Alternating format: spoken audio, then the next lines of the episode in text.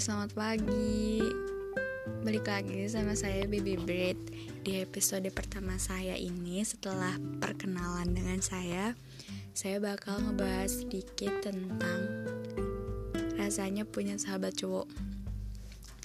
Banyak orang yang bilang Kalau sahabatan sama cowok Pasti di salah satunya Ada yang punya perasaan lebih dari sahabat.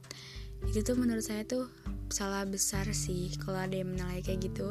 Karena kalau emang niat kita sebagai sahabat ya untuk ke depannya perasaan sayang ya cuman sebagai sahabat nggak lebih. Terus juga enaknya punya sahabat cowok di sini itu dia lebih bebas berkata-kata sama kita kayak nggak ada enakan gitu kayak gimana sih ya? Uh, kalau kita salah nih dia tuh langsung ngomong aja gitu yang lo lakuin tuh salah gini-gini seharusnya nggak gitu. Nah tapi kalau mungkin sahabat cewek itu lebih ke sisi nggak enakan buat ngomong sama kita apa kesalahan kita. Tapi kalau sahabat cowok itu dia kayak lebih jujur dengan keadaan kita yang sekarang. Walaupun kadang kata-katanya tuh nyakitin banget karena saking benernya gitu uh, gak enaknya punya sahabat cowok yaitu kita kayak lebih toksik toksikin banget gitu kenapa? Dan di sini juga posisi saya punya sahabat tuh yang keras kasar yang ngatain tuh eh, seadanya yang ngatain orang tuh gampang banget apalagi ngatain saya.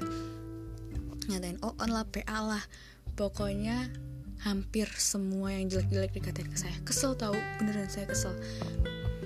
Huh parah kesel banget. Terus uh, sebentar cerita sedikit tentang dia dulu ke saya gimana dia itu dulu teman SD saya. Kelas 1 sampai kelas 2 dia ada di domisili saya. Sekolah di sini di sini sama saya dan sekelas sama saya. Dan di situ tuh dia tuh bandel banget sama saya. Dia sering nangisin saya ngatain saya ngeledekin saya. Pokoknya jatuhnya tuh kayak ngebully gitu. Terus sampai saya sering nangis dan cerita ke orang tua saya. Nama juga anak SD yang masih sering ngaduan gitu.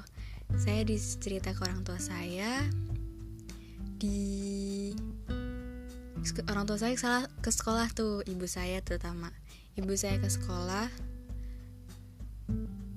nemuin dia ini nemuin dia terus kayak ngomelin dia gitu uh, awas ya kalau uh, nanti ngeledekin saya lagi. Ibu saya ngomelin gitu kan dia cuman iya bu maaf iya bu maaf. Tapi tuh besokannya tuh dilakuin lagi. Sama sampai saya kayak udah capek banget buat ngadu sama ibu saya. Jadi ya udahlah saya biarin. Dan di situ dia tuh nggak sendiri. Dulu ada juga yang namanya sebut saja si X. Dia itu sama kayak teman sahabat saya ini suka ngeledekin saya. Ya mereka berdua yang suka ngeledekin saya. Uh kesel banget. Tapi nggak nyangkanya yang sering ngeledekin saya itu malah yang sekarang deket sama saya yang ngederik ngedengerin keluh kesah saya sambatan saya yang nasihatin saya.